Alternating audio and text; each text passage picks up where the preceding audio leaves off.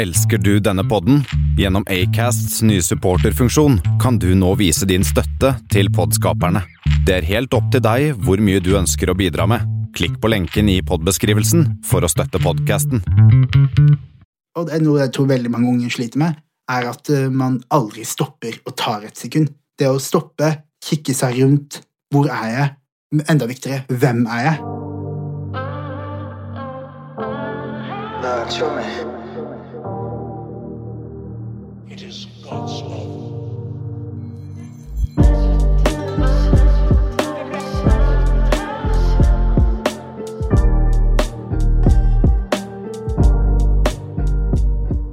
Hva det går i? I dag har besøk av en R&B- og rappartist ved navn Nasri, som er en meget spennende artist fra Sørlandet, og en av de jeg tror kan nå ganske så langt i musikkbransjen i Norge. Denne chomien har vokst opp, eh, hold dere fast, Vegårshei, en liten knøtt av en liten bygd, eh, litt sånn kanskje nordøst for Arendal by, med både bønder og sauer, i hvert fall sist jeg kjørte forbi der i striden. Eh, Denne showmien har jobbet med flinke folk som Store P, Allby, Unge Beirut, Big Daddy Carsten, Jane Ass, Django, Simen Steinklev, og nylig gjestet han også singel til eh, Mr. Cars med låten Aldri Losing, som eh, også er en del av gjengen i Full Effect Records. Du, Shami, velkommen. Det er en glede å ha besøk av deg her i dag. Thank you, thank you. Veldig hyggelig å være her. Hva det går i, Nasir? Hva er status om dagen for din del? Ja, det går jo mye i å lage ny musikk og eh, prøve å få trent litt og Ja, det er litt same old, same old. og er, verden er jo litt eh, on hold om dagen, så eh, prøver bare å gjøre det beste ut av det. Gjør, prøver å forberede meg så mye som mulig til, eh, til neste år. Det er mye forberedelser, med andre ord. Absolutt. Er, hvordan havnet du i Vegårshei? Vokste du opp der som kid, eller hva? Ja, eh, kort forklart så var jeg, var- kom foreldrene mine til Norge i 1987, om jeg ikke tar helt, eh, ikke tar helt feil. Og eh, så ble de først eh, plassert på, i Risør. Eh, på den tiden der var det jo ikke veldig mange Det var ikke mye innvandring, det var ikke veldig mange eh, folk fra andre land og kulturer her, da, så de kom eh, i 87, og så bodde de i Risør en liten periode, og så flytt, ble de plassert på Vegårskjær, da. Og der bodde de da fra 1989, kanskje, og til uh, cirka Uff, jeg er så dårlig på, på eh, ti, eh, tidspunkter og sånn. Men i hvert fall de bodde for ca. ti år siden så flytta de til Arendal. Way back, med, mange, med Rett og andre slett. ord. Så jeg er født og oppvokst, flytta fra Vegårshei da jeg var 17. Så jeg er født og oppvokst uh, der. Men er det sant jeg sier? Er det mye sauer og bønder der? Absolutt. Det er jo eh, en kommune på 2000 mennesker. Én butikk, én bensinstasjon, én bank, tre menigheter. så det er veldig sånn tight, veldig sånn klassisk sørlandsk community, da. Hvor folk um, jeg, jeg er jo veldig veldig glad i. Jeg er veldig, veldig glad for at jeg fikk vokst opp der. Uh, på grunn av hvordan det har forma meg som, som menneske, først og fremst, men også som, som artist. da. Uh, og um, Men ja, det er en del sauer og bønder og jorder og alle de tingene der. der. Ja, for hvordan, eh, hvordan ble du eh, introdusert for musikken, og du sier at det formet deg som en artist? eh, På hvilken måte kom Ja. du inn i det med å drive musikk? Um, nå skal det sies at Vegårshei er en veldig musikalsk, musikalsk kommune. Bare for å breake det ned for folk som ikke vet, så er det um, rundt disse menighetene, da, som er en veldig stor del av communityen på Vegårshei, så var det mye musikk tilknyttet. Eh, det var mye sang og mye kor og mye band og mye sånne ting som det. Og det førte til at eh, min storebror Omar, som også er artist, Mm. eh, begynte å synge mye på Vegårshei. Gjorde liksom småkonserter og sånn med, med folk på Vegårshei, som gjorde til at han Uh, fikk da selvtilliten til å For han er en ekstrem vokalist, og fikk Mm. selvtilliten til å da uh, bli med på The Voice. Eh, han ble med på The Voice og kom til finalen. Han vant ikke, men etterpå så ble han da tilbudt platekontrakt. Og da Altså, jeg husker det så godt, da, at da var det en sånn blant alle mine venner, mine, min familie, alle de unge, da, skjønte da at oi, shit, det er mulig. Mm. For jeg tror det var en sånn disconnect før mellom hva vi var, og hva de på TV var, hvis du skjønner hva jeg mener. Mm. Til det punktet at kanskje mange ikke hadde selvtillit, eller bare rett og slett ikke trodde at det gikk an. da. Men når det skjedde, så, ehm, så sparket en sånn eh, Hva skal man kalle det? da? Entusiasme, en, en viss sånn eh, eh, ny tankegang da, blant veldig mange mennesker da, i mitt miljø, og gjorde at folk da turde å satse på det de gjør. da. Så nå er, det jo, nå er jo han artist, og jeg er artist, og fetteren min er standup-komiker og gjør det veldig bra der. Jobber, i, jobber på i fjerde etasje på NRK. Så folk har liksom turt litt å gjøre det de ønsket, fordi at han gjorde, viste oss at det er mulig. da. Så din bror han har betydd mye for deg. Han er kanskje et forbilde for deg der, at han eh, Absolutt. satte Eh, kursen og tør å satse. uten tvil. Også i tillegg til at vi gjør Han gjør jo R&B-musikk. Det er jo der jeg har fått introdusert mye av R&B-musikken min fra. Uh, og Så han er absolutt en veldig stort Han er et stort forbilde for meg. da som, Og ikke bare som artist, men også som person. Han har alltid vært liksom storebror som passer på alle, og de tingene der. da Så så vil si dere hadde en eh, god eh, oppvekst eh, på Vegårshei. dere Uten følte tvil. dere var en bra inkludering, og det var mye kreativt i, som skjedde da. Ja, altså det er jo det er veldig skjerma. Jeg legger merke til det. Nå har jeg bodd i Oslo en periode, blitt kjent med mange mennesker og hørt mange historier. Og lagt merke til, og en ting jeg har skjønt veldig, da, er det at jeg er veldig privilegert som fikk muligheten til å ha en så skjerma oppvekst hvor man får lov til å være barn. da. Man får lov til å trå forsiktig. Det er veldig trygge rammer, alle de tingene der. da. Eh, Jeg hører jo eh, historier om fra andre hvor de jo opplever alt fra om det skulle vært vold eller drugs eller alle sånne ting som det er veldig tidlig. da. Og, eh, og jeg kan ikke engang relatere, for da jeg var yngre, så visste jeg ikke hva det var engang. Det var på en måte ikke en del av den verden vi var i. Ja, For din eh, familie, Du hadde din mor og far rundt deg, og dere var en, eh, en knyttet familie som eh, var der for hverandre. i... Absolutt. Og så kommer jo mamma og pappa er også, eh, altså Vi er jo, kommer fra en muslimsk familie, så det var jo, så det var jo religiøst. Og, og likt som mange av de som har den kristne troa, så, så er ikke det en del av den livsstilen da, som, gjør til at, eh, som gjør til at jeg var veldig heldig at jeg fikk muligheten til å være barn lenge nok. Men Hvordan var det, da? For det liksom på den tiden der, og når du er muslim på Vegas IK, du er på bibelbeltet og Absolutt. Følte at det var en gjensidig respekt og, og et, på en måte likevel et samhold og en, eh, 100 en eh, At man hadde ja, respekten for hverandre, da. Uten tvil. Nå uh, har jeg og mine storebrødre uh, litt forskjellig inntrykk av Vegårshei, fordi at når de var unge, unge, Mm. så var ting veldig annerledes. da. Det var selvfølgelig, Folk visste ikke like mye, det var kanskje litt mer frykt, litt mer ignoranse, men eh, jeg kan kun snakke om min egen opplevelse av det. Og min egen opplevelse er at jeg har eh, På Vegårshei så er det litt sånn at uh, du er ikke somalier, du er ikke kristen, du er ikke noe av det. Du er vegårdseng, eller så er du ikke vegårdseng. Og det er på en måte Det er uh, det kriteriet som ligger der, da. Og jeg har alltid følt meg som en vegårdseng. Jeg ble, altså I oppveksten ville jeg nesten gå så langt at jeg følte meg mye mer som en vegårdseng enn som en nordmann. Wow. If, that makes sense. Ja, Jeg kjenner meg igjen i det, for du vet jeg er en bergenser. Jeg er jo ikke nordmann, jeg er bergenser. Akkurat. Akkurat. Så det er litt, kjenner eh, litt samme greia, da. Mm. Så um, jeg er veldig veldig glad for at jeg fikk muligheten til å, til å vokse opp på et sånt sted.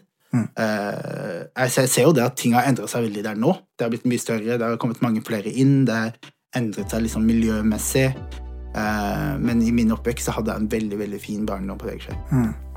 Ja, for liksom, Du driver jo med rap og R&B, Mm. og din bror var jo Jeg så jo det at mange ville betegne det han drev med innenfor soul, og kanskje litt Ja. pop, da, men eh, Ja.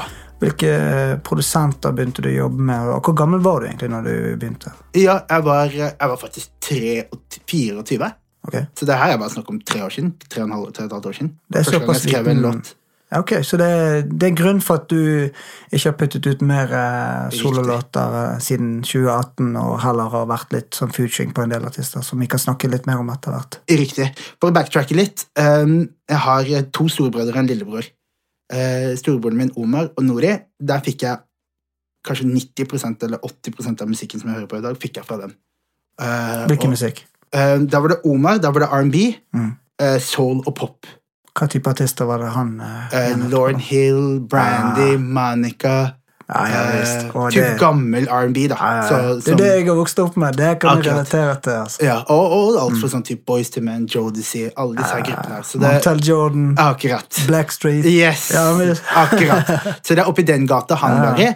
Eh, og til Odd, Mariah Carey og de mer poppete artistene. Og Ja. så på den andre siden så hadde jeg broren min, Nori, som var strictly rappmusikk. Strictly, Også Ikke noe pop-rap engang. Da var det snakk om Da var det type Beanie Seagull, Freeway, JC, mye tidlig Rockefeller, mye tidlig G-Unit.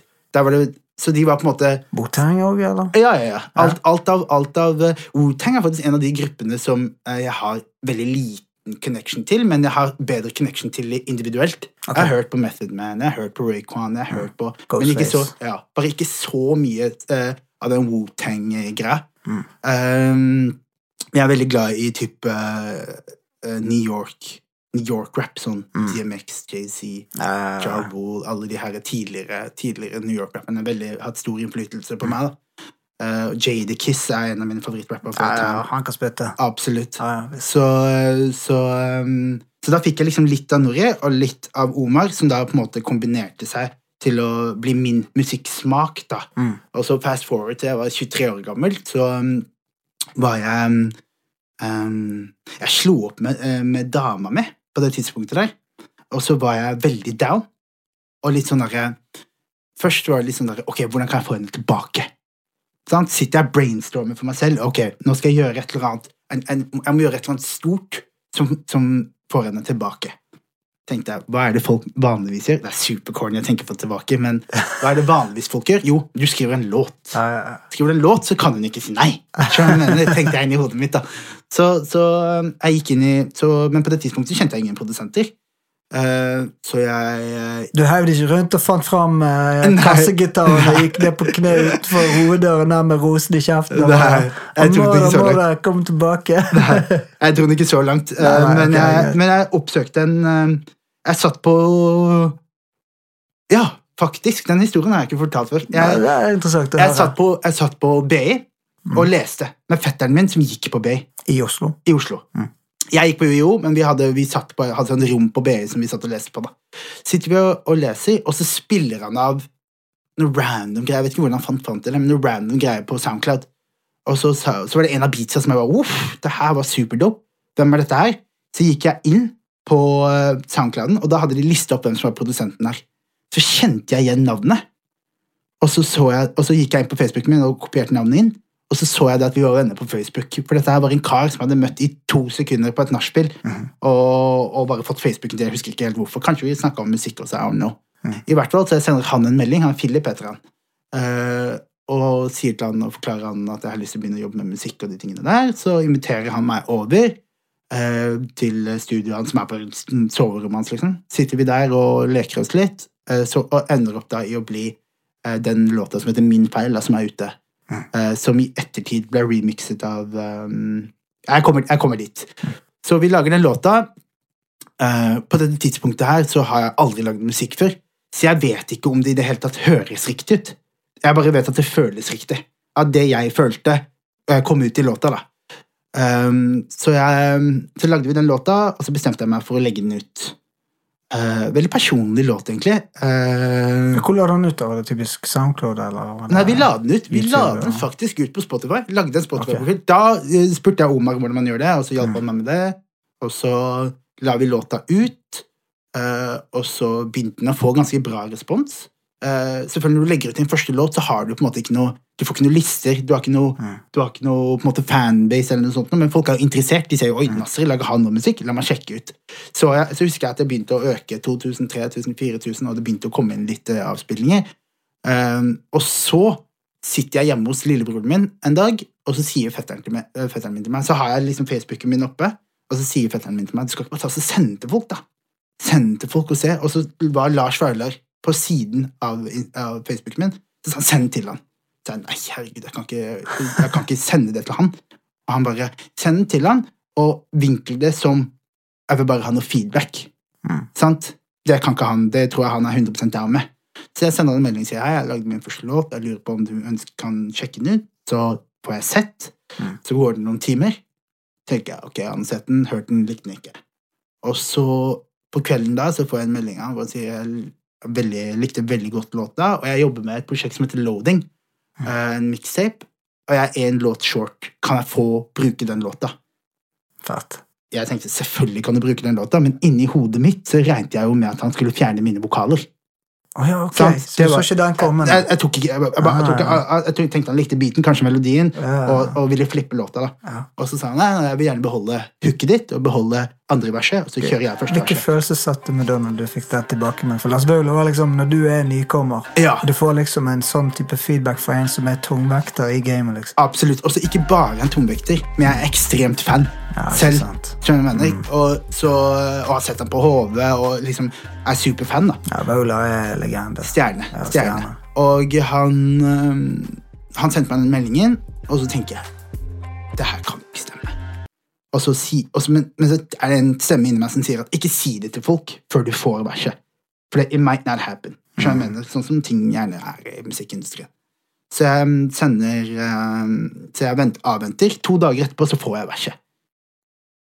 Jeg får Altså sånn Det er kanskje Hvis ikke Det er kanskje den beste opplevelsen jeg har hatt noensinne. At jeg, det var helt sånn der, helt sjokk, så jeg ringer alle gutta. Og, for alle, og vi er, alle gutta får helt sjokk, de også. Så i løpet av en, kanskje 30 minutter så er vi 12-13 stykker i stua til broren min. Og så spiller jeg låta, og det var helt, helt sjukt. Er Kompisen min Fatos, som er liksom min høyre hånd og min beste venn, da. han eh, flippa helt, alle flippa helt, og så la vi den ut. Um, og i den perioden mellom her så syntes jeg det var så gøy å lage musikk at jeg sa til mamma at jeg hadde lyst til å begynne å satse på det. Jeg likte ikke så godt det studiet jeg gikk på. Uh, og Hvilket studie gikk du på da? på? Ja. da var jeg på andreåret mitt på religionshistorie på UiO. Ok, på UiO, ja. Okay, Ja. ja. Så, så jeg bestemte meg for å, å Så sa jeg til mamma at eh, Jeg ble enig med mamma da at hvis den låta her får 15 000 avspillinger, da hopper jeg ut av skolen. Mm. Så gikk det, og så innen denne tiden her For det, låta ble lagt ut i juni, remixen ble lagt ut i slutten av august, og i løpet av sommeren så var den vel på sånn rundt 10, 10 000. Og så fikk jeg den remixen, og da sa jeg til mamma at dette er I'm out. Jeg kommer til å gjøre dette her. Hvordan eh, reagerte mamma på at eh, du ville hoppe ut av det her? Skal jeg være helt ærlig, så er mamma ekstremt støttende og ekstremt mm. forståelsesfull.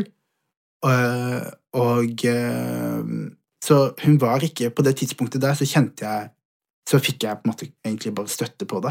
Mamma er veldig klar over at jeg kan gå tilbake og studere whenever. Dette her det kan kan jeg ikke gjøre whenever. Mm. Det. Og når den Lars Arla-remixen kom, jeg forklarte henne hvem Lars Arla var, da, Mm. så skjønte hun at uh, Det var stort. Akkurat. Ja. Det var, og, og det er ikke noe som skjer hver dag. akkurat Nei, i hvert fall ikke når du er nykommer og du skal eh, på en måte komme i gang og, og, og, skape deg et navn. Og det er klart, hvis du har med en, eh, et navn som uh, Vaular Mm. på noen av de første tingene dine, så klart at folk begynner å snakke, og folk uh, får eh, øynene på deg. Og det er det kanskje litt derfor uh, det er jo, Nå har jeg lyst til å spørre om sånn så, hvordan i alle dager havner en fra Vegårshei til Arendal, Oslo, og så i Bergen by.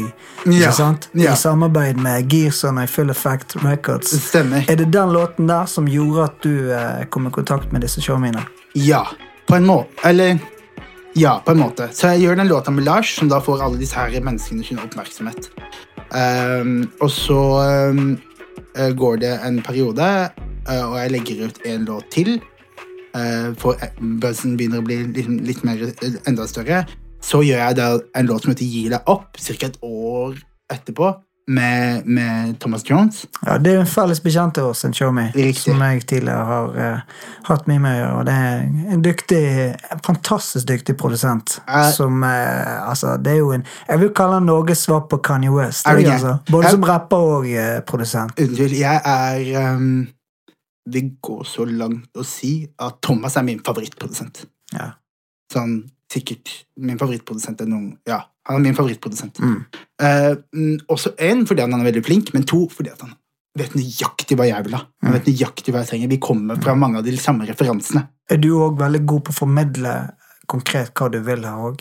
Eh, ja, Kommer du jeg blir med. Du blir flinkere? Ja, blir flinkere. Kommer du typisk med en referanse 'jeg har lyst til å ha en sånn låt'? Eller klarer dere å bare via å snakke sammen og klare å male et bilde av en visjon av en låt, og så klarer han å Ja, skape det er vel litt mer der, der at vi sitter inne og så spør jeg ok, hvilke, hvilke vibe er du i, og så kan jeg på en måte si ok, du, i dag har jeg lyst til å gjøre noe, noe rap-greier. da. Mm. Og så spør han, altså Med Thomas går det veldig naturlig. Så spør han ok, hva slags rap-greier tenker du? Og Da kan jeg nevne en artist, jeg kan nevne en produsent, jeg kan nevne en, en era, jeg kan nevne sånne ting som det, og så Mm. pleier han å koke opp nøyaktig det Ja, men- Du som eh, artist, da. Altså, er det, er det en kombo av R&B og rap du Hva er, satser du mest på her? Er det, Ja. er det ett fett, egentlig? Altså, bare så Eh, lenge beaten ja. snakker til deg og Ja, det er liksom det er en kombinasjon. Jeg er veldig glad i R&B og veldig glad i rap, og, og bruker det som verktøy til å formidle to forskjellige følelser, hvor R&B kan være mer, det natur, det, det, mer kjærlighet, mer hjertesorg, mer angst, mer men de emosjonelle greiene, mens rap-greiene bruker jeg mer til å uh, få ut tankene mine. Uh, diskutere ting. Uh, jeg er veldig glad i bare sånn rappety rap også. bare sånn, Jeg er bedre enn deg-type rap også. Å være kreativ med måten man sier ting på, og de tingene der. mm. Så det er liksom to forskjellige verktøy som jeg bruker til samme måte, greia, da. Hva er din visjon som artist? Um, nå uh, Kanskje litt svevende å spørre om akkurat sånn. Altså, Ja. Det kan være mye, men uh, har du noe konkret du uh, vil strekke deg etter framover? Jeg ønsker å, å um, være en litt sånn touring artist. Jeg har lyst til å være, reise rundt og spille og gjøre de tingene der, som, som sikkert veldig mange andre gjør. Jeg ønsker å bruke musikken min til å formidle ting som folk kanskje ikke klarer å si selv. Eh, jeg er jo på en måte eh, Jeg er på en måte Jeg representerer en gruppe en subgruppe under det man kaller skal man si kaller utlendinger. da. Jeg er, fra, jeg er utlending, jeg er somalier, 100 født og, eh, altså sånn, begge, fra begge sider, men har hatt en veldig annerledes oppvekst og et annerledes utgangspunkt enn veldig mange andre av rapperne i landet, som kanskje er fra Bergen eller fra Oslo eller noen av de større stedene. Eh, så jeg føler at eh, det jeg vil si, og det jeg vil gjøre, er en ting som ikke har blitt touched ennå eh, mitt perspektiv, på en måte. Så, så jeg har lyst til å på en måte snakke for alle de eh, med flerkulturell bakgrunn som er født og oppvokst på uh, andre steder enn storbyene. da. Ja, for det, Du sier jo det at Vegosei for deg var liksom, det var ikke noe pes. Du følte Nei. deg, du var en Vegosei. Ja, 100% Det var liksom ikke noe stress. Ja. Du følte at uh, her var det inkludering, her var det å bli uh, ivaretatt. Absolutt. Og være som en av de helt vanlige gatene, liksom. Ja, uten tvil. Så Og så bodde jo familien min på Vegårshei såpass lenge at alle kjente oss. Mm. Så det var på en måte ikke noe jeg, jeg, jeg tror frykt for veldig mange kommer fra det ukjente. mm. Eh, og vi var ikke ukjente. Mamma og pappa bodde der i 20 år, 22 år, i en kommune med 2000 folk. Mamma var i kommunestyret. Folk visste hvem vi var. Så, så det var på en måte ikke en eh, Folk hadde ikke et avstandsforhold til oss. da. Det var ikke noe problem å komme og snakke med oss. Det var ikke noe problem å, å komme og eh, Ja, vi ble sett på som vegårdsgjenger. Morsom historie. Eh, når jeg var eh, kid, så hadde vi en sånn fotballbane, en sånn ballbinge som vi pleide å spille i hele tiden. Det var på andre siden av liksom Jeg vet ikke om jeg skal kalle det sentrum. På andre siden av butikken, for å si det sånn. Stripen. Yes! Det er en flystripe der, ikke Ja, rett og slett. Og um, så satt vi, ble det å stoppe på butikken og kjøpe iste og sitte der og prate litt før man gikk videre. da. Så sitter vi der en gang, og så kommer det en gammel dame. Kanskje 80 år gammel. 75-80 år gammel. Men nordmenn er jo ekstremt sterke. Så de er ekstremt friske i en alder av 75-80. tror jeg mener. Og de fleste somaliske 80-åringene jeg kjenner, er jo, er jo på en måte sengeliggende, nesten. Mens nordmenn de står jo på ski når de er 80. tror jeg mener. Uh, og, eh, så hun kommer spaserende forbi, uh, og så stopper hun, så ser hun på oss, og så smiler hun. Og så smiler vi tilbake. Og så uh, snakker hun til oss, jeg husker ikke helt hva hun sa, og så mens hun snakker, så kommer hun nærmere. Og så er hun kjempenærme på meg, og så bare tar hun hånda gjennom håret mitt, og så bare tar hun på leppene mine med fingrene, smiler, prater videre, så går. Okay. På det tidspunktet der Det var ikke koronatider, for å si det sånn. Nei, rett og slett ikke. Jeg, også på den tiden der så tenkte jeg ikke noe. Jeg tenkte ikke så mye over det. Jeg tenkte bare det var weird, hun tok det på meg? Men jeg tenkte ikke over det. Det var en gammel dame, liksom. I ettertid så har jeg skjønt at hun har kanskje aldri sett en mørk person før. Og så tenkte hun at nå er jeg 80 år gammel. I might not never have the chance again. Så jeg skal ta utnytte av det. Så hun tok på håret mitt og tok på leppene mine og alle de tingene der. da. Og det er også en, eh, en uh, uh, maler et bra bilde av hvordan ting var på Vegårshei. Det var ikke farlig. Nei. Du ville aldri sett en gammel dame gjøre det i Oslo. Nei, nei, nei. Fordi da vet hun jo om hva som skjønner jeg mener. Mens der, hun hadde null frykt når hun gjorde det med oss. Og jeg tenkte ikke på det heller. For, for Vegskjær var på det tidspunktet når jeg vokste opp, er en boble hvor egentlig så spiller det ikke noen rolle hva som skjer på utsiden av det. På godt og vondt. Om nyhetene snakker veldig, veldig dårlig om, uh, om innvandrere, så påvirker ikke det meg inni den bobla. Det påvirker meg i dag, men ikke inni den bobla der. Nei, jo, men sånn som du som nå har bodd litt i Oslo og Arendal og også Bergen, Mm. ikke minst pendler en del. Mm. Merker du forskjell fra by til by, eller fra sted til sted du eh, Jeg føler forskjellene blir mindre og mindre. Mm. Eh, fra, for hvis vi skal sammenligne Arendal med Oslo. da. Det blir mindre og mindre. Det er jo um, Jeg er jo kjempeglad i Oslo, og det er på en måte uh, blitt Jeg har på en måte ingen tilknytning til Arendal, fordi at jeg er ikke herfra. Har ikke bodd her. Har ikke noen tilknytning til stedet. Så, så um, uh, Jeg er veldig, veldig glad i Oslo, men har lagt merke til at Oslo eh, sliter jo med sine på en måte, sosiale problemer, og jeg ser jo ringvirkninger av ekskluderingen av mange. eh, I form av at det har blitt et, i mange steder blitt litt sånn meg mot deg-mentalitet, som er helt naturlig. Er du inne på musikkbransjen nå, eller er du mer på plassering av hvor folk generelt. bor generelt? Ja, nå okay. tenker jeg generelt. Musikkbransje-wise så er så er det jo helt, det er jo dag og natt fra Oslo til Arendal. Arendal så er det jo Jeg føler det er veldig mye rockeband og veldig mye eh, dyktige mennesker, men ikke populærmusikk. Det er ikke Ikke noe åpne barneting her Nei. som kjenner igjen. Du har jo hatt folk som eh, har vært herfra. Du har Big Daddy Carsten og, Absolutt. og ikke minst eh, Hvem andre kan vi nevne nå, da, som er nykommer? Du har Django og Ja. Ja. Ikke Jeg føler Big Big er- Daddy Karsten bærte den greia der på egen hånd i masse, i mange år. Det var ingen andre som poppa opp. Han lagde jo veldig eh, Både han eh, solo og Folkefiender lagde jo ganske mørk underground rap-musikk. ja, han Ego gjorde mye der. Absolutt. Så de, så de um, har jo Selv om på en måte ikke, ikke folk som popper opp nå, høres ut som de, eller rapper som de, så har jo de veldig tydelig åpna dører Mm. og, og gjort mye for de som popper opp nå, som har gjort til at folk som da Django, folk som Simen eh, og, og Uno, og folk som popper Uno, opp ikke minst. Mm. som popper opp, uh, popper opp fra, fra Arendal, har muligheten til å gjøre det de gjør. da. Eh, jeg vil bare elaborate litt på, på Simen og Django. Eh, begge to de er veldig forskjellige, men de er også like på veldig mange måter, og jeg har veldig, veldig stor tro på dem. Ja, ja, sykt. Jeg så de nylig over i studio med Tommy T og, Ja, stemmer. og Django. og de hadde jo, jeg, så, jeg var på releasepartyet deres. de Ja, var jo- riktig, var riktig, det, vi møtte- ja, ja, ja, det var jo sinnssykt gjennomført. Altså, Ja, de fulgte jo opp huset. og Ja, Virkelig eh, god stemning og, og gutter som kan levere. Altså. Uten tvil. ja, de har veldig tro på hva komme langt. Og de har bygd opp greia si på en veldig organisk måte ved å spille konserter der du er fra. Starte i nabolaget ditt, bygge ting ut. Ikke minst, men de òg har jo inhouse at de gjør alt sjøl. De har lagd videoene. De har folk som tar seg av bilder og Ja. det kreative designet. produksjon og alt Ja, ja. De er veldig flinke, flinke gutter som har mm. brukt god tid på å bli flinke i det de gjør. Eh, Django jobber jo mye med Tommy T, som du sier. Ja. Uh, vi var i studio, meg, Django og Tommy nå for et par uker siden og gjorde en, gjorde en track. Vi skal faktisk i studio neste uke også, okay. uh, så det blir spennende. Og nei, jeg har veldig mye tro på han. Han er en som jeg um, jobber tett med. Prøver å hjelpe til der jeg kan hjelpe til. Mm. Så vi er veldig Det er en god kompis av meg, da. Men vil du si at det, det å først begynne å, å fokusere på altså Det er veldig mange nå.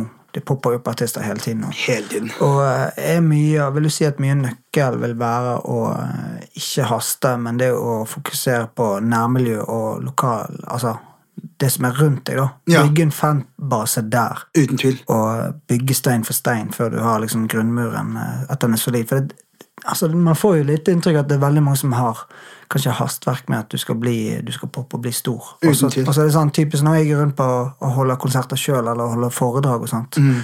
så er det sånn at det er noen av de første de kidsene kommer og spør meg Hei, hvor mange streams har du? Ja, Det er liksom Det er helt feil. det er helt sykt. ja, Istedenfor å spørre liksom, hva type musikk er det du har gitt ja. ut. Hvor mange låter har du gitt? låter? Hvordan lager du låtene? Ja, hva handler det om, liksom? Det, er liksom? det er heller mer om antall eh, liksom, hvor mye likes, kommentarer, Ja, følgere ja. altså det, det er blitt helt sinnssykt vilt, egentlig. Det er jo sosiale medier da, som har en veldig sterk eh, påvirkning på det. Men vi har jo sett, eh, For første gang på mm, veldig mange år så har vi jo sett at det er artister som faktisk blower opp over natta. Ja, ja. Så- TikTok, Se på TikTok. Ja. Hvordan Får du en uh, låt som går viralt der, så har du uh, kanskje uh, ja, åpnet ganske så mange dører. Uten tvil. Så, så jeg tror veldig mange kids tror at uh, på din tredje låt så skal du ha major deal og millioner av streams, Ja. som, uh, uh, som er helt feil. På en måte så er det litt så er det, det er positivitet i det også, for det blir natural selection. De som ikke skal gjøre dette, gjør ikke dette, fordi de har ikke det som skal til for å gjøre dette. Det sant. Mens, eh, mens de som har en passion for det, eh, er gjerne de som får det til in the Ja. long run. Hvis du ser på Cezinando, hvis du ser på ja. disse folk her. Cezinando, som nå er Nor- Norges, en av Norges største popartister, Mm. for fem-seks år siden, så var han, så var han på, eh, på hva heter det, Skis TV med Mm. fem XL-hoodie og prøvde å gjøre greia si, da.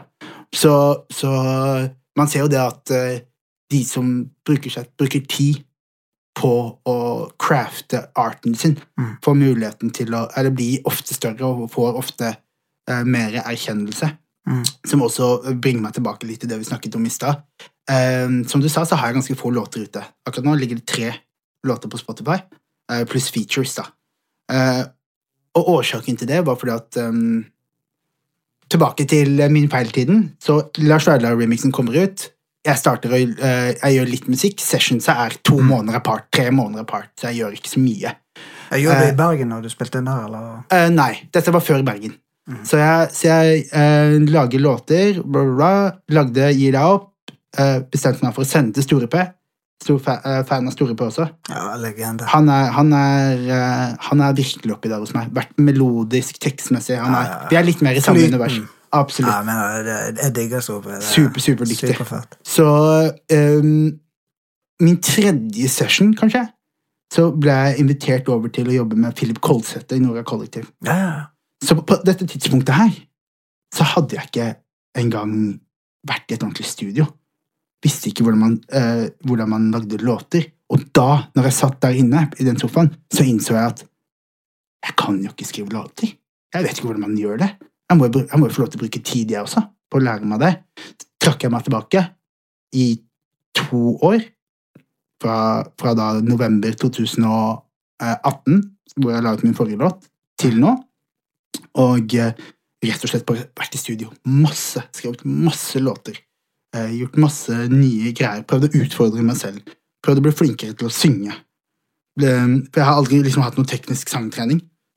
Nei, men Du har jo gjestet veldig mange låter nå, og eh, i den prosessen der, er du, eh, skriver du refrengene sjøl, eller er dere på en måte team som syr sammen den teksten? Altså, Eh, hvordan, hvordan jobber du der, da? jeg skriver uh, 90, kanskje 5% av låtene selv. Mm. Uh, selvfølgelig jeg får jo veiledninger av produsentene. Jeg var du den linja. Hva med den melodien? Hva med den? Og det er en av de årsakene til at jeg liker å jobbe med Thomas veldig eh, Innspill godt. er jo viktig. Uten tvil. Og eh, ikke minst altså Thomas han har jo et veldig gehør for melodier, og det er Absolutt. noe jeg og min kone og wifi Rebekka, eh, som også har drevet musikk, og eh, alltid vært fan av det. Thomas er veldig god på det å Uten tvil. komme med gode melodilinjer. Ikke, ikke minst det å den teksten, sant? refrenget, det må gjenspeile hele låten. Uten tvil. Og så har vi fått en sånn takhøyde som er veldig veldig komfortabel, hvor han har muligheten til å si til meg at nå synger du feil. Det her er flat, det her er ikke bra. det her er... skjønner du, Uten at jeg tar det Fordi noen ganger når du jobber med en produsent, og han sier vet du, det der var jævlig, så blir man sånn, åh, mister man selvtilliten i boothen. da. Og da eh, resonnerer det i musikken. Ja, ja. Men med meg og Thomas har vi klart å få det der, eh, den dynamikken da, til at eh, han har muligheten til å si til meg at det der hørtes for jævlig ut. Men da det, da er det god, for jeg var ikke så god til å ta, til ta imot eh, konstruktive tilbakemeldinger fra Thomas på Men det er litt way back, da. Og Ja, var kanskje litt mer umoden for det. Og mest sannsynlig så hadde jeg også kanskje dårligere selvtilliten òg. Mm. For jeg følte liksom, når jeg holdt på, så følte liksom hele gjengen rundt meg var så sinnssykt dyktige på Mm. tekst og ja, spytte bars, da. Mm. Jeg var jo litt med han der eh, skalla bergenser som kom plutselig inn fra innsiden, og så, og så endte jeg opp med å bli manager og drive label, og så drive litt på musikk. Men Jonesy, han, eh, eller JNS, Mm. som han heter nå, han, eh, han utfordret meg mye. Og, og, og det tror jeg det, det ligger så dypt i han musikken, da. Mm. Han elsker musikken såpass høyt at det, det handler nødvendigvis om at han er ute til å liksom At uh, du må gjøre som jeg sier, men det er jo gjerne den der eh, kjærligheten for å skape noe som låter skamfett, da. Absolutt. Så det er noe med det å av og til å ta imot uh, feedback. Som kan være med å løfte kvaliteten på produktet. da. Absolutt. Og en, jeg tror en fordel jeg har der, er med at jeg har en viss uh, ydmykhet, eller en viss sånn derre eh, Ikke underlegenhet, men jeg har ikke noe problem Jeg er veldig klar over at jeg har ikke gjort dette lenge. Mm. Jeg er ny på dette her. Everything, jeg er som en sponge. Jeg prøver bare å lære fra alle. Og da mener jeg fra alle. Mm. Jeg kan uavhengig om De verste sessions jeg har hatt i mitt liv, har jeg plukka den opp fra. Så jeg prøver liksom å, å lære litt av alle, og, og på en måte adde det som er bra til min egen, eh, til min egen suppe, da. Så um, der, det, det du sier der, vil si at det er en ganske unik eh, gave du har. Da, for det er liksom, veldig mange vil fort uh, miste litt motet, bli litt sånn utålmodig. Noen vil eh, ja, vil, være litt stolt, da. Stae. Og liksom, nei, det her fikser jeg sjøl, jeg gidder ikke høre på de. Men det er noe med det faktisk, du kan hente mye fra alle. Absolutt. Og det er det som er for min del også med musikk, at det er, du kan hente mye fra for de forskjellige musikksjangrene. Sant? Elementer av eh, om det er fra soul, om det er R&B, om det er klassisk, om det er altså, For det ikke, Pop, altså- har lagd mye popgreier i det siste også. Ja, ikke sant? Så, så liksom, det er noe med det å være åpen, da. Mm. Og selv om du føler at du har eh, La oss si du putter ut en låt, da. Mm. Du føler ah, jeg hadde mer tro og forventning til at den skulle ta litt mer av. Mm. På hvilken måte, når du har gitt ut låter, har du, føler du har oppnådd det du har ønsket med låtene? Har du fått nok feedback? Har du, har du fått nok streams? Eh, Hva, hva, hvordan har det gått for deg der med når du har puttet ut musikken? Til nå har jeg vært uh, har jeg, er veldig fornøyd uh, uh, med det som vi har fått til til nå.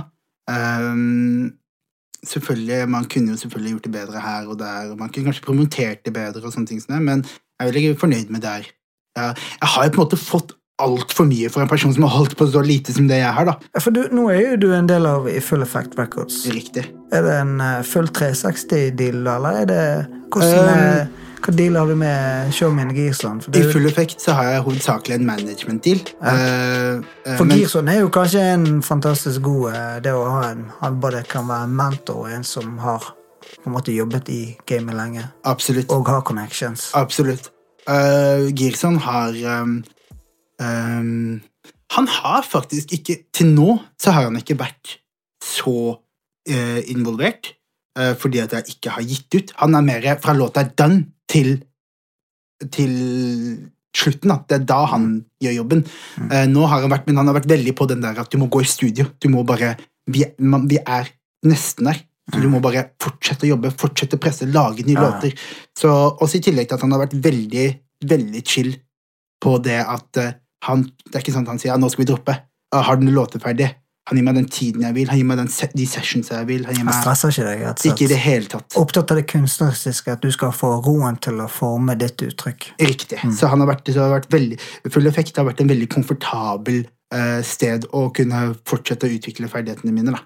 Ja, for der, Hvor mange eh, artister er dere der nå? For da er det jo, Jeg har sett det poppet opp eh, produsenter òg nå. at Det er liksom, det Vi er vokser vel- jo.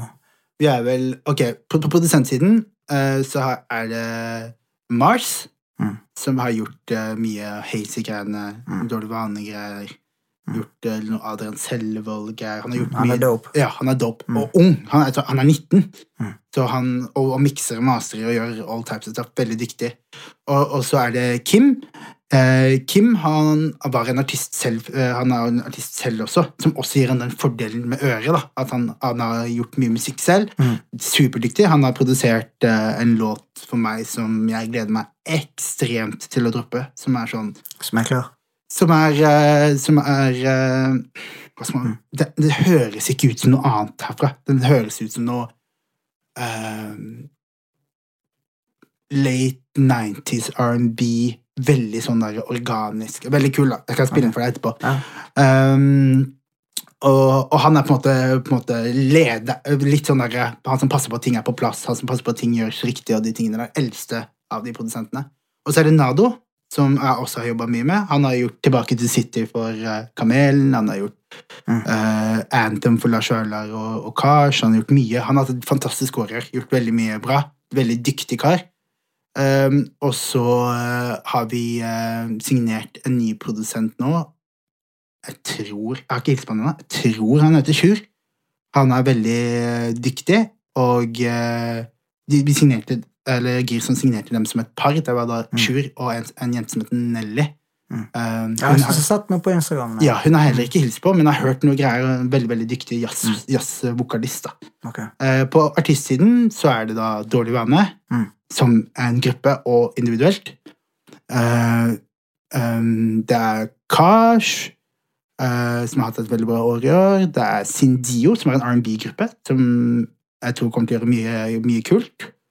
Uh, og se hvordan eh, For han er han også er, det er litt mer i R&B-verden. Mm. Er veldig flink. Veldig, han er ung, kul stil. Han har på en måte mye av den pakka som skal til. da. Veldig snill og ordentlig høflig kar.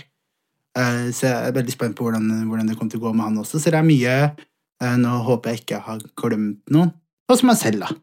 Og så er det, så det er en veldig bra gjeng som, eh, som jobber der nede. Veldig inkluderende gjeng. Det tok ikke lang tid før, før jeg eh, ble på en måte tatt imot der, da. Eh, så jeg er veldig, veldig glad for, for muligheten til å, til å være der. Det var jo Du trives blant bergenserne? Absolutt. Trives i Bergen også. Ja. Eneste er det regnet som ikke har helt uh... Jeg, føler du, Er det oppskrytt, eller er det faktisk mye regn? Jeg vil nesten oppe? si det er undervurdert. Er det undervurdert? Jeg var i Bergen nå for eh, et par uker siden. Mm. Var der en uke og jobba. Og det regna sidelengs hver dag 24-7. Og det var, det var helt sånn Det nyttet ikke med paraply, altså. Nei, absolutt ikke. Det var storm. Det var liksom sånn derre Nei, det var Bergen nei, det er ikke noe play der, altså. Nei, nei, nei. Der, der er det real shit, altså. Absolutt. Absolutt. Du kommer ikke til å flytte til Bergen, da? Jeg har sittet i vurderingsboksen veldig, veldig lenge. Ok. Eh, gutta prøver jo å få meg til å flytte over hver gang jeg er der. Ja, hva så holder deg tilbake, da? Hva sier at du ikke har tatt det steget ennå? Det er et godt spørsmål. Jeg er veldig glad i Oslo, da. Eh, nå har jeg bodd her en liten periode. Uh, prøvd å spare litt penger, prøvd å stacke opp litt, betale ned litt greier. og Mm. Komme meg litt sånn på, på et bra sted eh, økonomisk og, og, og mentalt også. Jeg fikk en liten knekk eh, psykisk før jeg Da jeg valgte å flytte hjem, da. Eh, la merke til at det var en i det kjøret av å jakte Mm. den musikken, så kanskje jeg hadde eh, glemt litt å tenke på meg selv. I form av min psykiske helse og i form av min fysiske helse og alt mulig, egentlig. Mm. Eh, så ting gikk liksom litt sånn eh, kjapt, da. Så Tror, tror du det kommer litt av at eh, For når man, vi, er, vi går jo med mobiler på oss hele tiden, og når du stikker innom Instagram, og så ser du liksom oh shit, der kom de ut med en ny låt, der var en ny musikkvideo, og den ble listet. Altså, det, det skjer veldig mye, det skjer fort. Det er et høyt tempo. Er det sånn, føler, Følte du for din egen del at det, det er vanskelig å det er vanskelig å holde det tempoet. Er det er det, er det det går på, at det, er et sånt høyt tempo? Som er 100%. vanskelig å følge med på? 100 um, og en, Ja, egentlig, du forklarte egentlig veldig, veldig bra. Uh, det er en, et, en ting til som jeg vil legge på der, som, som jeg føler blir snakket om altfor lite, og det er det med avhengighet av respons. At man til slutt får bli avhengig av uh, rushen av å få den oppmerksomheten. Når du dropper en låt, så er det som å ha en liten bursdag. Ja, ja. Man får masse oppmerksomhet, man får folk som kontakter seg, og den greia kan være avhengighetsskapende. Og eh, på et tidspunkt så skjønte så Det tok meg en stund, men på et tidspunkt så skjønte jeg at jeg vil ikke droppe musikk, jeg vil ha respons. Mm. Som er en helt feil innfallsvinkel for meg som artist, for meg som person. Det resonnerer ikke med, med den jeg er, da. Mm. Uh, og er kanskje et resultat av at man eh, Og det er noe jeg tror veldig mange unge sliter med, er at eh, man aldri stopper og tar et sekund. Det å stoppe, kikke seg rundt, hvor er jeg? Enda viktigere, hvem er jeg? Mm. Og de Men, tingene der. men det er litt sånn så, for hvilken type respons ønsker du? For nå, sånn som jeg sjøl slipper litt musikk av og til, og det er jo når du har den artistappen på telefonen Ja. Og idet du venter at uh, nå har rundet midnatt og er på Spotify, så er det først å sjekke New Music Friday. Ja. Er han blitt kommet ut der? Er Ja. han en av de hellige låtene som får litt eh, boost i forhold til å få litt mer streams? Er det, og så er det inn der på den appen. jevnlig å sjekke ok, hvor mange hører på han nå. Yeah. Hvor mange streams er vi oppe i nå klokken tre på dagen? ok, yeah. Klokken ni på kveld, hvor mye har vi nå? Mm. Det, det, er- det er et veldig kjør fra første stund. Mm. For det, det er liksom sier Jeg sjøl kan jo relatere til det med at liksom Det er lett for at en, en, en Det blir feil fokus, da. Du, du, du ser på tallet Mm. istedenfor å se på antall hilsener fra showmier eller familien som sier du, den låten der var dødsbra. Den traff meg. Det, det gjorde noe med meg. Det er litt sånn der eh, Før liksom når eh, Jeg ser kanskje gammel ut, liksom, men, men før var det kanskje litt mer den der å stoppe opp og ta en prat med en showmie, ikke sant, og så si det liksom det, Hvordan går det? Og det er dødsbra, det der, i hvert fall for oss som artister, da. Har gitt ut en låt som Mm. har, som har noe å formidle, så ønsker jo en å få respons på at den har betydd noe for noen. Absolutt. Så når, sånn som du, det du sier, at du måtte ta en pause, følte du ikke fikk nok respons fra folk? Sånn, for det, Kanskje jeg, heller motsatt. At, du fikk mye at, respons. At responsen var så overveldende at det fjerna fokus på hva som var viktig. da. Som gjorde til at man ble litt sånn eh, lost in the sauce. da. At man ble litt sånn derre ehm, At man begynte å jage ting som egentlig ikke har noe med musikken. Man begynte å henge med mennesker som man ikke hengte med før. Man begynte å Man mista litt fotfeste, rett og slett. da. Eh, og for en person som er fra en liten bygd som det jeg er, så er det en veldig, veldig klar eh, Det er veldig lite meg, da. Så, eh, så da merka jeg det at Én, jeg trenger tid til å lære meg å skrive låter og finne ut av hva soundet mitt, finne ut av hva inntrykket mitt, hva, hvordan bruker jeg stemmen min, de tingene der. Det er noe jeg fortsatt jobber på. Eh, og eh, ikke minst, jeg må bygge meg selv opp til et punkt hvor jeg er sterk nok til å kunne tåle eh, the repercussions av hva, av hva industrien kan gjøre. For jeg har sett mennesker bli slukt av industrien. Ja, for det, det liksom sånn når du er, det går framover. Mm. Det, det, det, responsen er overveldende. Mm. Flere vil jobbe med deg, både produsenter, artister, låtskrivere. Mm. Og så kommer man inn i den ok, nå er vi nesten der. Nå må vi ha hiten. Mm. Nå må vi ha denne magiske hiten som gjør at boom, Ja. så har du liksom åpnet dørene til konserter og Mm. ene og det andre som gjør at du får òg pluss på kontoen. Og, Absolutt. Men det er litt sånn der eh, interessant å liksom Ok, hvem er Nasri? Ja, ja. Ikke sant? Det det. Hvem, hva, hva ønsker du å formidle i Ja. musikken din? Ja. Hva er liksom Hva er greien med Nasri? Og da spør jeg deg egentlig nå. Ja, ja. Hva, hva, hvem er Nasri Jeg når det er, kommer til musikk? ja, jeg er en eh, person som har en veldig tett tilknytning mellom musikk og følelser. Musikken gjenspeiler hvem jeg er, hvor jeg er i det tidspunktet i livet. Jeg er veldig inspirert av artister som gjør det samme. Uh, som for eksempel en, min, en av mine favorittartister er da uh, er, Eller mine to favoritter er da Kanye West og Drake. To artister som har sykt eh, vært viktige for meg. da. Eh, hvis vi tar for oss Drake først, da, så er det jo en person som har vært, hatt eh, følelsene sine helt åpne. Han har på en måte ja, Han er jo fem år eldre enn meg, eller sånt, så alle de tingene han gikk igjennom, gikk jeg gjennom tre år senere. Og kunne nesten han ordrett relatere til alt han sa, fordi at jeg går gjennom det han går gjennom. Vi kommer fra samme Altså, han var jo ikke en, han var verken en gangster eller eh, fra på en måte eh, eller eh, de tingene. Han var fra et sted som kanskje ikke var superkult. Eh, så jeg kunne relatere til mye av tankene hans og det han gikk gjennom, så, så han, er veldig, han har inspirert meg veldig mye.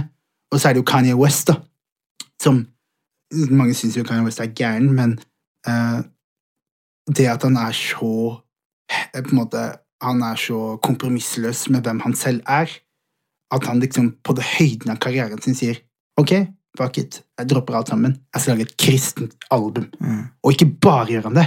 Han lager en masterpiece av et album. For det du er på nå, Mm, det er noe jeg òg er veldig fan av. mm, Du går mot strømmen. absolutt. Og det er noe jeg kjenner meg sjøl igjen i, for jeg har liksom helt siden jeg startet musikk, så skjønte jeg at jeg kommer til å gå mot strømmen så det holder. Ja. Men det er noe jeg har holdt fast ved.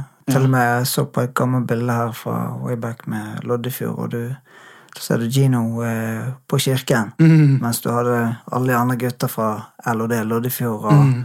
rapperne der, liksom. Men det er liksom Det å velge å gå og stake ut en kurs, da. Jeg tenker også som det Kanye West gjorde. Det er jo eh, det siste albumet jeg syns det var, det var dødsfett. Og så er det sånn at det sjokkerer. ja.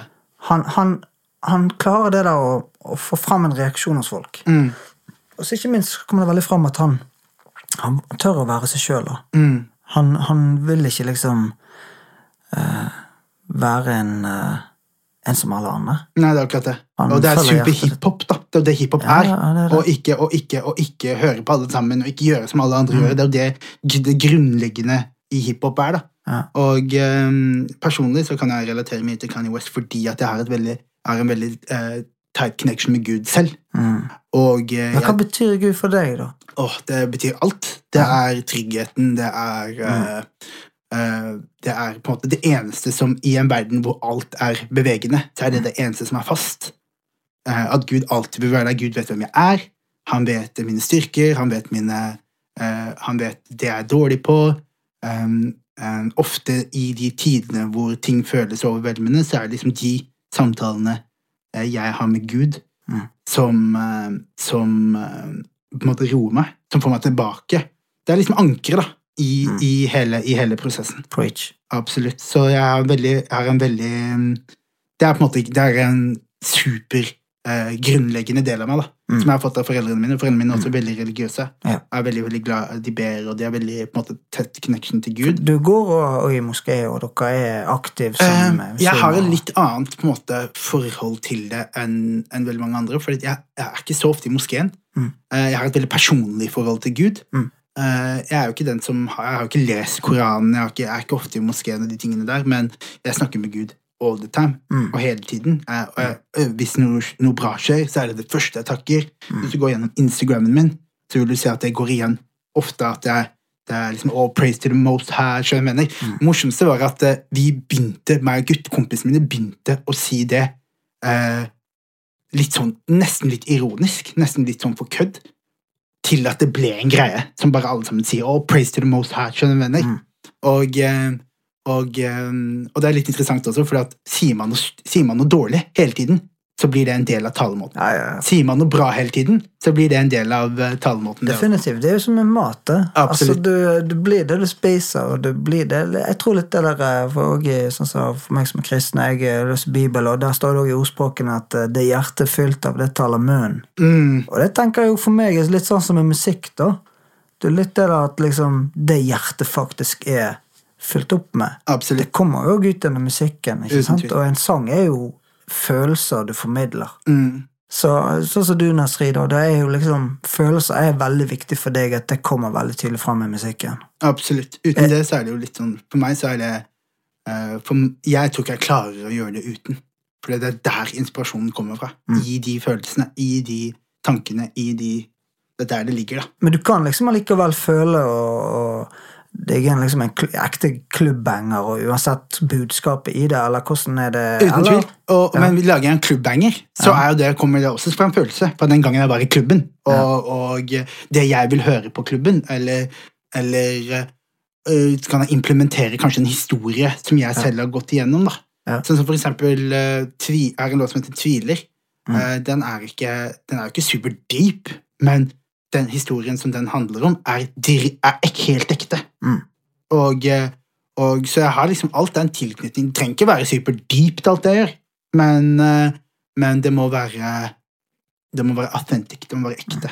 Det må være Men setter du på en det, Vil du heller ha en låt som Dear Mama med Tupac Ja, ja. enn en, en eh, Jeg vet ikke hva vi skal trekke fram her, eller hva, hva setter du på, da? Det kommer an på hvilken Åh, stemning du er i. Veldig på hvilken stemning jeg er. Mm. Uh, noen ganger så vil jeg bare eh, eh, på en måte ha, bare forsvinne litt, og da kan jeg høre på noe Da kan jeg fort høre på noe Gucci Man eller noe NBA Youngboy eller noe, noen av de nye gutta. Men uh, hvis du går gjennom lista mi For eksempel, det kom jo ut, den Spotify-lista kommer ut i dag. Den der eh, yearly recap-greia. Mm. Og da går det igjen veldig mye eh, Jeg har hørt veldig mye på eh, på Jesus is King, da. Mm. Jeg har hørt veldig mye på Drake sin forrige skive. Jeg har hørt veldig mye på uh, Jeg hører på Karpe. Jeg hører på Så det, går, det er mye på en måte, substance som går igjen. da.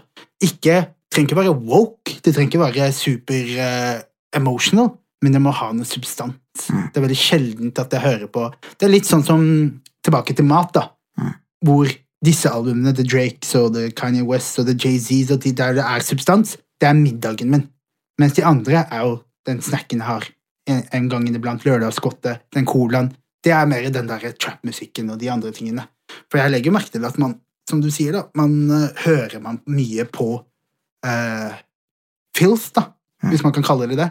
Så blir man jo unhealthy. Akkurat som hvis man spiser mye filth, så blir man unhealthy. Men det er jo litt det jeg tenker litt sånn som med musikkbransjen òg, at det er jo litt sånn at eh, det blir jo litt av det du omgir deg med, og av de du bruker tid på. Og det, det er jo liksom uh, Hvor viktig er det for deg å, å jobbe med da folk som på en måte Du sier du trekker jo frem Jones, Ja, ikke sant? Uh, som er med og løfter deg, da, som Absolutt. artist.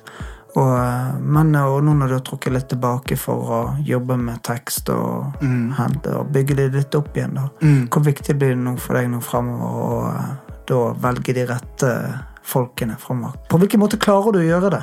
Uh, Har du jeg, såpass stort nettverk at du kan bare vrake og velge liksom, eh, hvem du vil jobbe med, eller hvem du skal omgås med? jeg skal være helt ærlig, så har jeg vært veldig heldig der. Uh, sikkert mye pga. connection gjennom Gearson og sånn også. Uh, så har jeg vært veldig heldig med at jeg har kunnet jobbe med veldig mange dyktige mennesker.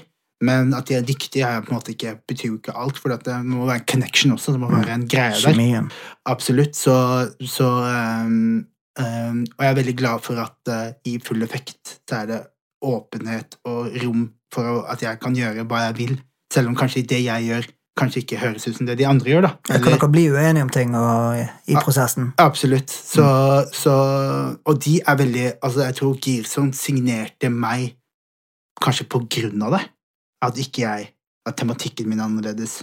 Måten jeg snakker på er annerledes, måten jeg formulerer meg selv på, er, på, er annerledes. eh, og de tingene der, da. Så mm, Men det er veldig viktig for meg å jobbe med folk som jeg har eh, eh, Som jeg har en connection med, og det har jeg lagt merke til mye i det men, imens jeg gikk, da. At ok, wow, jeg gikk inn i studio med en produsent som alle sier er sinnssyk, og så fikk vi ikke til noe. Hva var årsaken til det? Ofte, det starta med at jeg bare gikk på dårlig selvtillit. Det må jo være meg. Og så skjønte jeg etter hvert at å lage musikk er jo på en måte en kombinasjon. Det er som en pardans. sant? Hvis den ene personen ikke eh, følger takten, hvis den ene personen ikke er på samme greie som det du er på, så blir det jo så blir det veldig vanskelig, da. Så det er jo det. Og så er det noe med det å ha litt tilbake, det, det tar jo tid. Absolutt. Sånn, Skal du skape noe? Det er litt sånn som eh, Skal ikke drive med ekteskapsrådgivning her, men sant? jeg har vært gift i noen år nå med en fantastisk jente, og det tar jo tid å bygge det sterke fundamentet. Absolutt. Og da må man gjerne være litt ute i noen stormer for å kunne klare å, å holde kursen på, eh, på sjøen her, og selv om vind slår her og der, så kan man klare å komme gjennom den stormen fordi at man har ja, man har vært eh, Man etablerer en eh, en grunnboller som er såpass solid. Og det tror jeg også i forhold til det kreative. så er det sånn at Hvis du bruker tid sammen med de rette låtskrivende produsentene, så på sikt så vil man kanskje være med å skape da, et mesterverk. Absolutt. Et kunstverk som eh, appellerer til mange. Så, eh, men hvem er målgruppen for deg nå fremover? Egentlig så har jeg en veldig bred, bred eh, Når du gjør R&B-musikk, så kan du treffe omtrent alle. Sant? Jeg hører jo folk i 30- og 40-åra som liker greiene mine. Jeg hører folk i mm, 15- og 20 år som liker greiene mine. Så er, jeg har på en måte ikke helt funnet ut av hvem som I og med at jeg bare har så få låter ute også, så har man på en måte ikke pinpointa helt hvem som, hvem som lytter. Jeg vet at det er en majoritet av jenter overfor gutter, sikkert litt av sjanger. Så det Eh, med kjærlighetslåter, altså. Ja, det er Selv om det. det, er mange gutter der ute som nok har noen guilty pleasures. Altså. Absolutt. Definitivt. Absolutt. Så, så det um... Apropos det, mm. har du en guilty pleasure? Oh. Jeg tror, det som er tingen, er at jeg hører på så mye quote on quote corny greier at jeg vet ikke helt om, jeg vet ikke helt om, det, er, eh, om det er guilty pleasure, men la meg tenke meg om, da. Um, hva liker jeg? Gi meg noen facts. Jeg liker countrymusikk. Country? Eller, eller er det en guilty pleasure å like gospel? For det, er, er jo, for det er jo nei, soul. Det er jo Kanye. Se på Ja. prosjektet til Kanye West, da. Ja, eller Kirk man- Franklin. For eksempel. For Går man tilbake til J. Moss, alle disse menneskene. Ja, her. ja. Jeg hører jo mye på, mye på gospel, men gospel syns jeg ikke er en guilty pleasure, for det er så Nei. nærme R&B og Ja. soul at, eh, at det Men kanskje vil jeg si er min, er min guilty pleasure, da. Hvilken artist, da? Altså, jeg hører jo Snakker vi sjekker litt sånn Alan, ja, ja, Gareth Brooks, eh, Alan Jackson uh, uh, Godeste um, Åh, da falt jeg helt av der. Um, Derfor. Godt spørsmål. Og det som er tingen at Jeg er ikke så inni i countrysjangeren. At jeg er litt sånn derre liste, Nei, nei. finne listene, høre på det øverste. Det likte jeg. Om det kommer på radioen, så er ikke du den første til å slå den av. Akkurat. Og så Mm. føler jeg liksom at eh, country er R&B sin distant cousin. Mm. Hvor man har pop i midten, og så har man R&B på den ene siden og country på den andre siden. Og du Mm. hører på vokalen at det er mye likt, tematikken at det er mye likt. Og Mm. jeg føler bare det er to av eh, fetterne til, til pop, da. Mm. Så det er jo ikke så langt unna. Men du, altså, Mhm. når får vi høre neste singel tid Nå er jeg øh, Nå sitter jeg Jeg prøver å gjøre ferdig øh, fem, fem singler som skal ut i løpet av øh, neste periode. Det er litt sånn uklart om det blir fem eller fire, men jeg Ja, Da har- slipper du de da fortløpende sånn måned for måned, da? Eller øh? Kanskje litt mer enn en måned, for de skal runnes ganske hardt. Da. Jeg kjører, skyter video til de. Jeg gjør Til alle låtene? Jeg vet ikke om det blir til alle, men til mange av de i hvert fall. Det blir visuelt til alle av de. Jeg, vil- har veldig lyst til å gjøre eh, litt live, eller liksom med band. Spille inn liksom, okay. akustiske versjoner av låtene. Eh, så det er en del arbeid. Nå skal jeg til Oslo neste uke. Da håper jeg på å kunne finishe off mesteparten av låtene, slik at vi går inn i nyåret med alle låtene i boks. Ja. Og så er det da eh, på en måte hardarbeidet, da. Er det hysj-hysj, eller har du, kan du røpe noen uh, fete artister som er med og gjester disse låtene? Jeg har, uh, skal være helt ærlig med deg, de første fem er det ingen gjesteartister. Kun bare deg, altså. Årsaken til det det er et konsekvent valg. Årsaken til det er fordi at jeg har lyst til å uh, pinpointe tilbake til hvem lytter på deg, Mm. hvem, hva liker de, eh, vi, alle de tingene der, og for å kunne gjøre det på den mest effektive måten. For har jeg en Arif på en låt, da, Mm. og den låta streamer 500 000, så har jeg null idea om det er mine 500 000, eller om det er Arif sin 500 000. Nei, nei, men det, det er jo litt sånn Der er jo man kanskje litt forskjellig også Mathis. Sant? Jeg er jo veldig fan av DJ Khaled, sånn som yeah. han opererer. Sant? Jeg har jo ofte futurings på mine ting. Ja. Men jeg synes det, er veldig, det er jo veldig interessant at du, du, du faktisk du har såpass eh, selvtillit, kaller det, Mm. og integritet at du, du, du vil putte ut dine ting, da. Og, og se hvilken hvem som følger med, og hvem som gir respons på det. da. Ja. Satse på at uh, det går veien. Er det, er det Hva type låter? Er det, er det Det en bare ren R&B, da, eller blir det litt uh, noe Jeg har gjort litt um, features som jeg har lagt i det siste. Er uh, Er mye, mye rap-greier. jeg gjorde, la en feature for um, For meg med en Thomas nettopp. Som er typ soul sample rap, rap, rap-greier. Jeg har gjort um, Jeg litt med Jeg gjorde en låt for Simen Steinklein. Som, uh, som også er rap-greier. Så mye har features jeg legger, har vært rap-greier i det siste, men mye av greiene jeg har gjort selv, lener mot R&B. Okay. Det, men det er R&B på en måte som ikke har blitt altså det sier vi sikkert alle, men som ikke har blitt gjort ennå her. da. Mm. Det føles forskjellig.